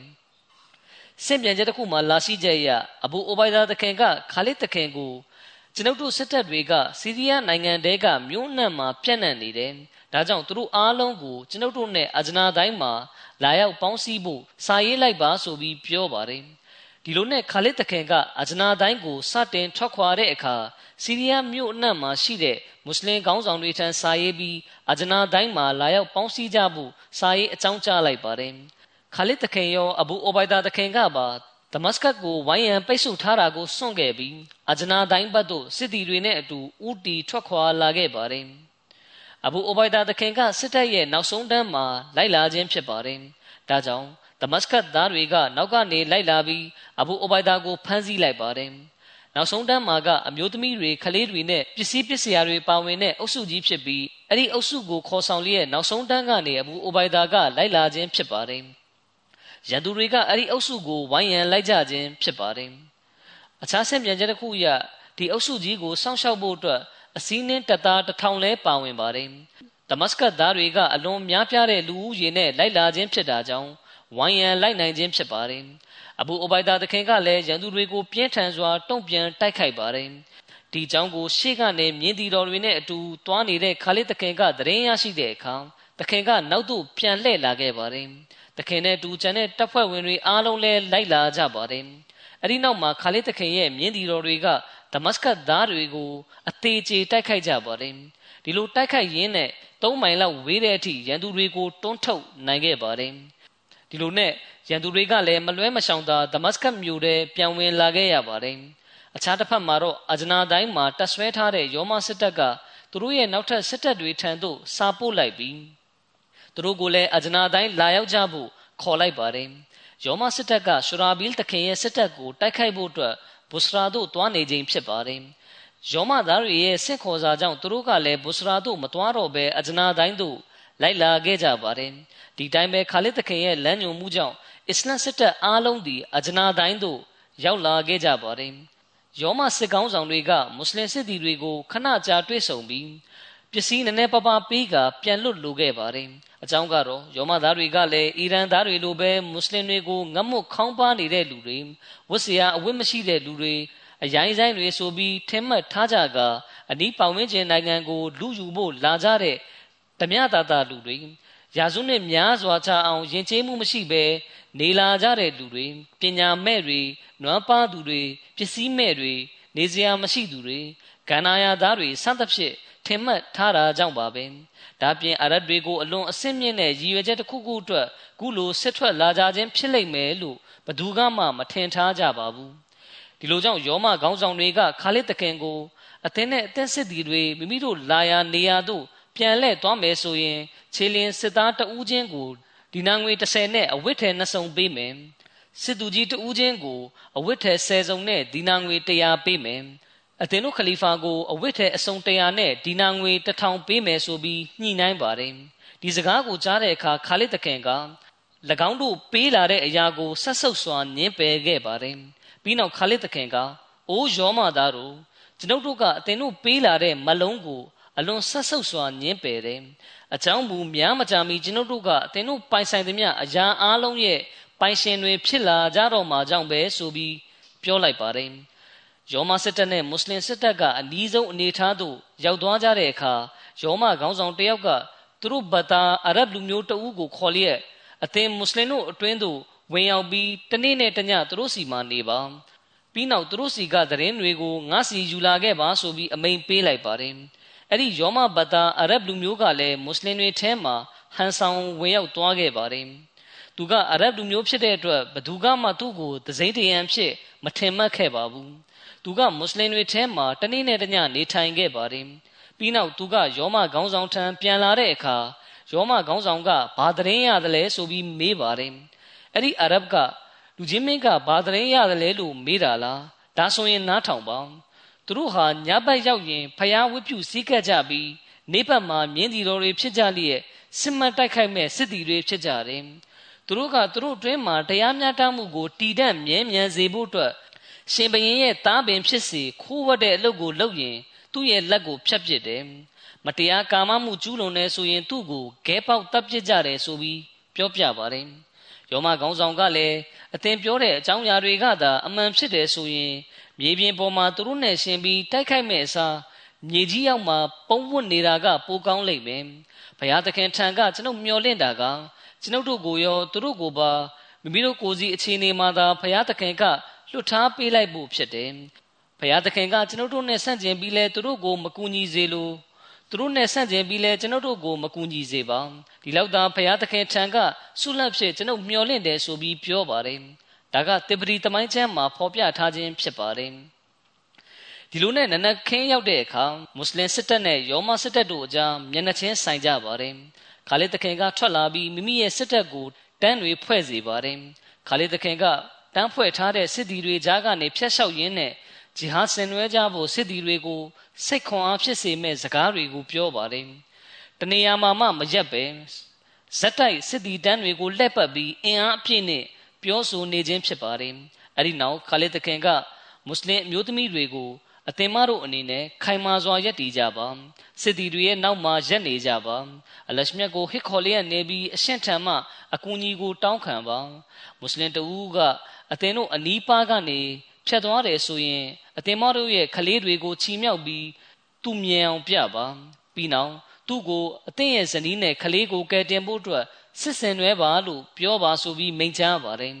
ခါလစ်တခင်ကစစ်တီတပ်ဖွဲ့တစ်ခုချင်းရဲ့အနီးမှာရပ်ပြီးအိုးအလားရဲ့အစေတော်လူသားအပေါင်းတို့အိုးအလားရဲ့အစေတော်လူသားအပေါင်းတို့အလရှမြတ်ကိုကြောက်ရွံ့ကြအလားရဲ့လမ်းတော်မှာအလားကိုညင်းပယ်ကြတဲ့ရန်သူတွေကိုတိုက်ခိုက်ကြနောက်လှည့်ပြီးထွက်ပြေးခြင်းမလုပ်ကြနဲ့ရန်သူတို့ကိုလည်းအသင်တို့ပေါ်အနိုင်ယူခွင့်မပေးနဲ့ကြားတွေချင်းသေးတွေလိုရှေ့သို့သာတက်ကြကုန်အသားစီတွေအားလုံးပြိုစင်းသွားတဲ့အထိ ရွရွချွန်ချွန်တိုက်ခိုက်ကြအသင်တို့ဟာလွတ်လပ်မှုရှိတဲ့ဂုံတည်ရှိလူသားတွေဖြစ်ကြတယ်အသင်တို့ကိုလောကရဲ့ယာဒူးအာနာစီးစိမ်ကိုလည်းပေးသနာတော်မူခဲ့တယ်လို့နောက်တမလွန်မှာလည်းဂုံတိတ်ခါကိုရရှိမဲ့အကြောင်းအလရှမြတ်ကဂရိပြုထားပြီးဖြစ်တယ်အသင်တို့မြင်နေရတဲ့ရန်သူအင်အားအရေးတွက်များပြားမှုကအသင်တို့ကိုကြောက်ရွံ့မှုမဖြစ်စေနဲ့မလွဲဧကံအလရှမြတ်ကရန်သူတို့အပေါ်ပြစ်ဒဏ်ခတ်မဲ့အရှင်ဖြစ်တယ် ကျွန်ုပ်ကတိုက်ခိုက်ပြီးဆိုတာနဲ့အသင်တို့လည်းတိုက်ခိုက်ကြကုန်ဆိုပြီးမိန့်ကြားပါတယ်အဲ့ဒီနောက်နှစ်ဖက်အုပ်စုကြားမှာအလွန်ပြင်းထန်စွာစစ်ပွဲဖြစ်ပွားပါတယ်ဆိုက်ဘင်ဇိုက်တခင်ကလည်းမွတ်စလင်စစ်သည်တွေကိုစိတ်အားတက်ကြွလာအောင်ဂုလိုမိန့်ကြားပါတယ်။အိုးမွတ်စလင်ပေါင်းတို့အလရှမိတ်ရှိတော်မောက်တွင်မိမိတို့၏တေခြင်းတရားကိုသတိရကြကုန်စစ်ပွဲမှထွက်ပြေးခြင်းဖြင့်ဂျဟန္နမ်ကိုမိမိတို့နှင့်ထိုက်တန်သော နေရာထိုင်ခင်းဖြင့်မပြုတ်လောက်ကြကုန်နှင့် အိုးသာသနာတော်ကိုထိမ့်သိမ်းဆောင်ရှောက်ကြသူတို့အိုးသာသနာတော်ကိုထိမ့်သိမ်းဆောင်ရှောက်ကြသူတို့အိုးကျမ်းမြတ်ကုရ်အာန်ကိုဖတ်ယူကြသူတို့ကြံ့ကြံ့ခံရက်တည်ကြကုန်ယောမစစ်သားတွေကတိုက်ပွဲအပြင်းထန်ဖြစ်တဲ့အခါထွက်ပြေးသွားကြပါတယ်ဒီအခါယောမစစ်သူကြီးဝါဒန်ကထွက်ပြေးနေကြတဲ့သူ့စစ်သားတွေကိုအသင်တို့ကသာထို့သို့ထွက်ပြေးမည်ဆိုလျှင်အသင်တို့ပိုင်ဆိုင်သောနိုင်ငံနှင့်စည်းစိမ်တို့မှာအသင်တို့ထံကလွတ်ထွက်သွားလိမ့်မည် ထို့ကြောင့်အသင်တို့စိတ်တွင် ခိုင်မာမှုကိုထားကြကုန်ထိုသည့်ငတ်မွတ်နေကြသူများနှင့်အဝိပလာဖြစ်နေကြသည့်အာရဗ်တို့သည်ငါတို့နှင့်တိုက်ခိုက်လိမ့်မည်ဟုငါတို့မထင်ထားခဲ့ကြ၎င်းအာရဗ်တို့၏ငတ်မွတ်ခြင်းနှင့်အစာရေစာရှားပါခြင်းကငါတို့ဘက်သို့တွန်းပို့ခဲ့ခြင်းဖြစ်သည်ယခု၎င်းတို့ကကျွန်ုပ်နယ်မြေထဲဝင်လာပြီးအသီးပွင့်များကိုစားသုံးနေကြပြီဂျုံချမ်းစားသူတွေကဂျုံကြောဖြစ်လှုပ်သောမုတ်ကိုစားနေကြပြီ အလွန်ချိုမြိန်သောတတိဝလံများကိုစားနေကြပြီစသဖြင့်ပြောပါတယ်အဲ့ဒီနောက်ဝရဒန်ကသူ့ရဲ့စစ်သားတွေထံကမိတို့မိဘုံလောက်ရမယ့်အကြောင်းအကြံဉာဏ်တောင်းပါတယ်ဒီခါမှာစစ်သူကြီးတဦးကမွတ်စလင်တွေကိုအနိုင်ယူခြင်းနဲ့ဆိုရင်တော့အကြောင်းပြချက်တစ်ခုခုပြပြီးသူတို့ရဲ့ခေါင်းဆောင်ကိုငါတို့ဘက်သို့ခေါ်လိုက်ပါသူ့ကိုတပ်ပစ်လိုက်ပါဒါဆိုရင်ကျန်တဲ့စစ်သားတွေအားလုံးအလိုလျောက်ထွက်ပြေးသွားကြပါလိမ့်မယ်အရင်ဦးဆုံးစစ်သည်10ယောက်ကိုရှေ့ပြေးလွတ်ပါ သူတို့ကိုတနေရာမှာပုံနေခိုင်းပါပြီးရင်မွတ်စလင်တွေရဲ့ခေါင်းဆောင်ကိုတီးတဲ့စကားပြောရအောင်ဆိုပြီးခေါ်ထုတ်လာပါသူကစကားပြောဖို့ရောက်လာပြီးဆိုရင်ပုံနေကြတဲ့စစ်သည်10ယောက်ကတဟုန်ထိုးဝင်ရောက်တိုက်ခိုက်ပြီးသူ့ကိုတပ်ပစ်လိုက်ပါဆိုပြီးအကြံပေးပါတယ်ဒီလိုကြောင့်ယောမစစ်ကောင်းဆောင်တဦးကမိမိတို့ဘက်ကတန်တမန်တဦးကိုခါလစ်တခင်ထံပို့လိုက်ပါတယ်အဲ့ဒီတန်တမန်ကလည်းမွတ်စလင်တွေဘက်ရောက်တာနဲ့အိုးမွတ်စလင်ပေါင်းတို့အသင်တို့ကသွေးချောင်းစီးတိုက်ပွဲတွေကို မရက်တန့်နိုင်ဘူးလားကျွန်ုပ်တို့ကအသင်တို့နဲ့ပြင်ငင်းမှုယူရင်ကောင်းမယ်လို့တွေးမိတယ်ဒါကြောင့်အသင်တို့ခေါင်းဆောင်ကိုကျွန်ုပ်တို့နဲ့ဆွေးနွေးဖို့လွှတ်လိုက်ပါဆိုပြီးပြောပါတယ်ခါလစ်တခင်ကလည်းရှေ့သို့ထွက်လာပြီးအသင်ယူဆောင်လာတဲ့သတင်းစကားကိုပြောပါအောင်ဒါပေမဲ့အဲ့ဒီသတင်းစကားကအမှန်တရားပဲဖြစ်ပါစေလို့မိန့်ကြားပါတယ်ယောမတန်တမန်ကလည်းကျွန်ုပ်ကအသင်နဲ့လာတွေ့ရခြင်းမှာကျွန်ုပ်တို့ခေါင်းဆောင်ကသွေးချောင်းစီးတိုက်ပွဲဖြစ်ခြင်းကိုမနစ်သက်တာကြောင့်ပဲ အခုထိအသက်ခံလိုက်ရတဲ့စစ်သည်တွေအတွက်သူကဝမ်းနဲ့ပလက်ဖြစ်နေစေပဲဒါကြောင့်သူ့ရည်ရွယ်ချက်ကအသင်တို့ကိုဒနာဥစ္စာတချို့ပေးလျက်နှစ်ဖက်ပြင်ငင်းရေးစာချုပ်ချုပ်ဆိုဖို့ပဲဒီလိုအဖြစ်စစ်မှတ်ကိုပယ်ဖြတ်နိုင်ဖို့ပဲဆိုပြီးပြောပါတယ်ဆွေးနွေးညီနိုင်နေချိန်မှာအလရှမြတ်ကတန်တမန်ရဲ့စိတ်မှာအစ္စလမ်အရှိန်ဝါကိုဘယ်လိုထည့်သွင်းခဲ့သလဲဆိုရင်သူကခါလစ်တခင်ထံမှာမိမိရဲ့ဇနီးသားသမီးတွေနဲ့မိသားစုတွေကိုငဲ့ကွက်ပြီး သူတို့ရဲ့ခေါင်းဆောင်ကြံစီထားသမျှကိုအကုန်စင်ပြောပြပြသွားပါတယ်ဆိုလိုတာကခါလစ်တခင်ကိုတိတ်တဆိတ်လောက်ကျန်တပ်ဖြတ်မဲ့အကြံစီကိုလည်းပြောပြလိုက်ပါတယ်ခါလစ်တခင်ကအကယ်၍အသင်ပြောတဲ့စကားတွေကအမှန်တွေပဲဖြစ်မယ်အသင်ကကျွန်တော်တို့ကိုတစ္ဆာဖောက်လှည့်ပြားတာမဟုတ်ဘူးဆိုရင်အသင်ကိုရောအသင်မိသားစုဝင်တွေကိုပါလုံခြုံမှုပေးပါမယ်ဆိုပြီးမိန့်ကြားပါတယ်အဲဒီနောက်မှာတန်တမန်ကပြန်သွားခဲ့ပြီးသူတို့ရဲ့ခေါင်းဆောင်ကို ခါလစ်တခင်ကလူကြီးမင်းနဲ့ဆွေးနွေးညှိနှိုင်းဖို့အသင့်ပါပဲဆိုပြီးပြောပါတယ်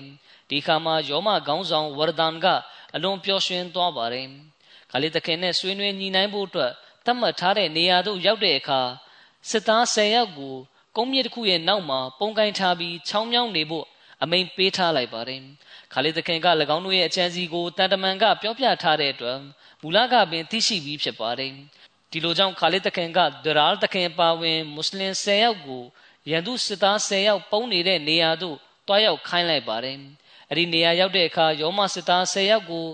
တပ်ပစ်လိုက်ပြီးအဲ့ဒီစစ်သားတွေရဲ့နေရာမှာမွတ်စလင်စစ်သား10ယောက်ကနေရာယူလိုက်ပါတယ်ခါလီသခင်ကတော့ယောမခေါင်းဆောင်ဗရဒန်နဲ့စကားပြောဖို့ထွက်လာပါတယ်နှစ်ဖက်စစ်တပ်ကလည်းမျက်နှာချင်းဆိုင်လျက်အသင့်အနေထားရပ်နေပါတယ် ယောမခေါင်းဆောင်ဝရဒန်ကလည်းခါလစ်တခင်နဲ့ဆွေးနွေးဖို့ရောက်လာပါတယ်ခါလစ်တခင်ကသူနဲ့စကားပြောလျက်အသင်ကသာအစ္စလာမ်ကိုလက်ခံမယ်ဆိုရင်ကျွန်တော်တို့ရဲ့ညီကိုဖြစ်သွားလိမ့်မယ်လက်မခံလို့ရင်လည်းအခွန်ပေးရမယ်ဒါကိုလည်းလက်မခံဘူးဆိုရင်တော့တိုက်ပွဲဖြစ်ပွားဖို့အသင့်ဖြစ်လို့ဆိုပြီးပြောပါတယ်ယောမခေါင်းဆောင်ကလည်းတောင်ကုန်းနောက်မှာပုံနေတဲ့သူ့ရဲ့စစ်သားတွေပေါ်မှာယုံကြည်မှုရှိတာကြောင့်ချက်ချင်းဆိုသလိုခါလစ်တခင်ကို ဓားနဲ့ဝင်ခုတ်ပြီးတခင်ရဲ့လက်နှစ်ဖက်ကိုနောက်ပြန်ချုပ်လိုက်ပါတယ်ခါလစ်တခင်ကလည်းပြန်ယုံပြီးသူ့ကိုပြန်လဲတိုက်ခိုက်ပါတယ်ယောမခေါင်းဆောင်ကတောင်ကုန်းနောက်မှာသူ့လူတွေပုံနေတဲ့အထင်နဲ့အမြန်ပြေးထွက်လာကြပြီးတိုက်ခိုက်ကြမွတ်စလင်တွေရဲ့ခေါင်းဆောင်ကိုငါဖမ်းထားပြီးပြီဆိုပြီးအမိန်ပေးပါတယ်တောင်ကုန်းနောက်မှာရှိနေတဲ့တာဝကတော်တွေကဒီတန်ကိုကြားတာနဲ့ဓာတွေဆွဲပြီးဝရဒံဘတ်တို့ခုံအုပ်ပါတယ်ဝရဒံကဝင်လာတဲ့စစ်သည်၁၀ယောက်ကို အစမှာတော့သူ့လူတွေလို့ထင်နေပါတယ်ဒါပေမဲ့ဒရာလ်သခင်ကိုမြင်သွားတဲ့အခါမှာတော့တုံလုံးခြောက်ချားသွားပါတယ်အဲဒီနောက်ဒရာလ်သခင်ပါဝင်မွတ်စလင်စစ်သည်၁၀ယောက်ကယောမခေါင်းဆောင်ဝရဒံကိုတပ်ပစ်လိုက်ပါတယ်ယောမစစ်သားတွေကမိမိတို့ခေါင်းဆောင်အသက်ခံလိုက်ရပြီဆိုတာကိုသိရှိတဲ့အခါသူတို့ကစိတ်သက်သာသွားပါတယ်အဲဒီနောက်မှာနှစ်ဖက်စစ်တပ်ကြားမှာအလွန်ပြင်းထန်တိုက်ပွဲဖြစ်ပွားကြပါတယ်တိုက်ပွဲအတွင်းမှာယောမခေါင်းဆောင်နဲ့တယောက်က မွတ်စလင်တွေရဲ့အခြေအနေကိုမြင်တဲ့အခါသူ့လူတွေကိုငါရဲ့မျက်စိကိုအဝိနဲ့စီးနှောင်လိုက်ပါလို့ပြောပါတယ်လူတွေကလည်းဘာကြောင့်အဝိနဲ့စီးခိုင်းတာလဲလို့မေးတဲ့အခါယောမခေါင်းဆောင်ကယနေ့မြင်ကွင်းကအလွန်ကံမကောင်းတဲ့မြင်ကွင်းဖြစ်တာကြောင့်ပဲငါဒီမြင်ကွင်းကိုမမြင်ခြင်းဘူးငါဟာယနေ့တိုင်လောကမှာငါတို့အတွက်အခုလိုခတ်ထန်ကြမ်းတမ်းတဲ့နေ့ကိုမမြင်ဘူးဘူးလို့ပြောပါတယ်မွတ်စလင်တွေကအဲ့ဒီယောမခေါင်းဆောင်ရဲ့ဥကောင်းကိုဖျက်ပစ်လိုက်ကြပါတယ် အဲ့ဒီခါသူ့ဥကောင်းကအဝတ်နဲ့စီးထားတာကို တွေ့ရပါတယ်အဲ့ဒီစပွဲမှာယောမစစ်သားဥယေတသိန်းနီးပါးရှိပါတယ်မွတ်စလင်စစ်သည်အရေးအတွက်က3000ရှိပါတယ်အခြားစစ်ပြန်ချက်တစ်ခုမှာ3500ရှိကြောင်းဖော်ပြလာရှိပါတယ်အဲ့ဒီစစ်ပွဲမှာယောမစစ်သားအရေးအတွက်3000အသက်ခံရပြီးကျန်တဲ့စစ်သားတွေကခိုလုံမှုယူခဲ့ကြပါတယ်အဂျနာတိုင်းမျိုးကိုအောင်နိုင်ပြီးနောက်မှာခါလစ်ဘင်ဝလီတခင်ကအဘူဘကာတခင်ထံစားရဆောင်ပို့ပြီး တရင်ကောင်းပါခဲ့ပါတယ်။စာထဲမှာရေးထားတာကအစ္စလာမုအလိုင်ကွမ်ကျွန်တော်မျိုးတို့နှင့်မုရှရစ်တို့အကြားတွင်တိုက်ပွဲဖြစ်ပွားပါသည်။ရန်သူတို့ကကျွန်တော်မျိုးတို့နှင့်တိုက်ခိုက်ရန်အလွန်ကြီးမားသောစစ်တပ်ကိုအဂျနာတိုင်းမှာစူးစီးထားပါသည်။၎င်းတို့ကလှန်တမ်းများတွင်စောင်းများကိုချီလျက်လွှင့်ထူထားကြပါသည်။တို့ပြင်သူတို့ကထွက်ပြေးကြမည်မဟုတ်ကြောင်းသစ္စာဆိုထားကြပါသည်။ကျွန်တော်မျိုးတို့အားတက်လင်တက်သို့မဟုတ်လင်ကျွန်တော်မျိုးတို့အားမြို့ပြင်သို့တွန်းထုတ်ပြီးဟု အဋိဋ္ဌံပြုထားကြပါသည်ကျွန်တော်မျိုးတို့ကလည်းအလရှမြတ်ပေါ်တွင် ခိုင်မာစွာယုံကြည်ချက်ထားရှိပြီးအရှင့်ပေါ်ယုံကြည်ကိုးစားစွာထွက်လာကြပါသည်ထို့နောက်တွင်ကျွန်တော်မျိုးတို့က၎င်းတို့အားလန်ဒန်များဖြင့်တိုက်ခိုက်ကြပါသည်ထိုသည့်နောက်တွင်ကျွန်တော်မျိုးတို့ကဓားများကိုဆွဲထုတ်ကာတိုက်ခိုက်ကြပါသည် တဖန်ကျွန်တော်မျိုးတို့ကကလုံးတကောင်ကိုလဲလီခုတ်ပိုင်းချိန်ခန့်အကြာထိ၎င်းတို့ကိုဒရဇက်တိုက်ခိုက်ပါသည်ထိုသည့်နောက်မှာတော့အလရှမြတ်ကမိမိထံတော်မှကူညီမှုကိုပို့ချတော်မူခဲ့ပြီးမိမိပြုထားသည့်ဂရိတော်ကိုဖြည့်ဆည်းခဲ့ပါသည်မယုံကြည်ညင်ပဲသူတို့အားရှုံးနိမ့်စေခဲ့ပါသည်ကျွန်တော်မျိုးတို့ကရန်သူတို့အားကျင်းမြောင်းသောလံကျဲသောလံဂျိုင်ဝမ်နှင့်လွင်ပြင်အားလုံးတို့ကိုမချမ်းပဲလိုက်လံတိုက်ခိုက်တပ်ဖြတ်ပါသည်မိမိသာသနာတော်ကိုလွှမ်းမိုးအောင်နိုင်မှုပေးခြင်း မိမိရန်သူတို့အားနှိမ့်ချပြီးကြိုးရုပ်ရှက်ရအောင်ပြုခြင်းမိမိအဆွေတော်တို့အားကောင်းမွန်စွာပြုမှုဆက်ဆံခြင်းစသည်တို့အတွက်ချီးမွမ်းခြင်းအပေါင်းသည် အလားသာလျင်ခံထိုက်တော်မူပါသည်ဒီစာကိုအဘူဘကာတခင်ရှေ့မှဖတ်ပြတဲ့အချိန်ကအဘူဘကာတခင်အလွန်မင်းနာမကျန်းဖြစ်နေခြင်းဖြစ်ပါတယ်ဒီသတင်းကောင်းကတခင်ကိုဝမ်းမြောက်ပျော်ရွှင်စေခဲ့ပါတယ်ပြီးနောက်အဘူဘကာတခင်မိန့်ကြားတာကအလ်ဟမ်ဒူလ illah ချီးမွမ်းခြင်းအပေါင်းသည် အလာသာလျင်ခံထိုက်တော်မူပါသည်အရှင်မြတ်ကမွတ်စလင်တို့အားကူညီဆောင်မတော်မူခဲ့ပါသည်ရင်းကပင်ကျွန်ုပ်၏မျက်စိကိုအေးမြစေခဲ့ပါပြီအဂျနာတိုင်းစစ်ပွဲနဲ့ပတ်သက်ပြီးဒီစစ်ပွဲကဘယ်တော့ကဖြစ်ခဲ့တာလဲဆိုတဲ့ဆွေးနွေးညှင်းခုန်မှုမျိုးတွေရှိပါတယ်တချို့ပညာရှင်တွေကအိုမာသခင်ရဲ့ခေတ်ကာလမှာဖြစ်ပွားခဲ့တယ်လို့ဆိုပါတယ်ဆင့်ပြန်ချက်တစ်ခုမှာလာရှိချက်အရဟီဂျရီတက္ကရာ73ခုနှစ်မှာဖြစ်ပွားတယ်လို့ဆိုပါတယ် အဘူဘကာတခင်မကွယ်လွန်မီ73ရက်သို့မဟုတ်14ရက်သို့မဟုတ်34ရက်အကြာမှာဖြစ်ပွားခြင်းဖြစ်ပါတယ်အချို့ပညာရှင်တွေရဲ့အမြင်အရဥမာတခင်ရဲ့ခေတ်ကာလဟီဂျရီတက္ကရာ15ခုနှစ်မှာဖြစ်ပွားခဲ့တယ်လို့ဆိုပါတယ်ပြီးသို့ဆိုစေကျွန်တော်တို့ဂျမတ်ရဲ့သူတေတီပညာရှင်တွေရဲ့လေ့လာချက်အရအာဂျနာတိုင်းမြို့မှာပဲစစ်ပွဲနှစ်ခါဖြစ်ပွားခဲ့ခြင်းဖြစ်ပါတယ်ဒါကလည်းဖြစ်နိုင်ခြေရှိပါတယ်ပထမတစ်ခါကအဘူဘကာတခင်ရဲ့လက်ထက်မှာဖြစ်ပွားပြီးဒုတိယတစ်ခါက အိုမာတခင်ရဲ့လက်ထက်မှာဖြစ်ပွားခဲ့ခြင်းဖြစ်ပါတယ်ဘာကြောင့်လဲဆိုတော့တချို့အစ္စလမ်သမိုင်းကျမ်းတွေမှာဒီစစ်ပွဲနှစ်ခုကိုတီးခြားစီဖော်ပြထားတာကြောင့်ပါပဲ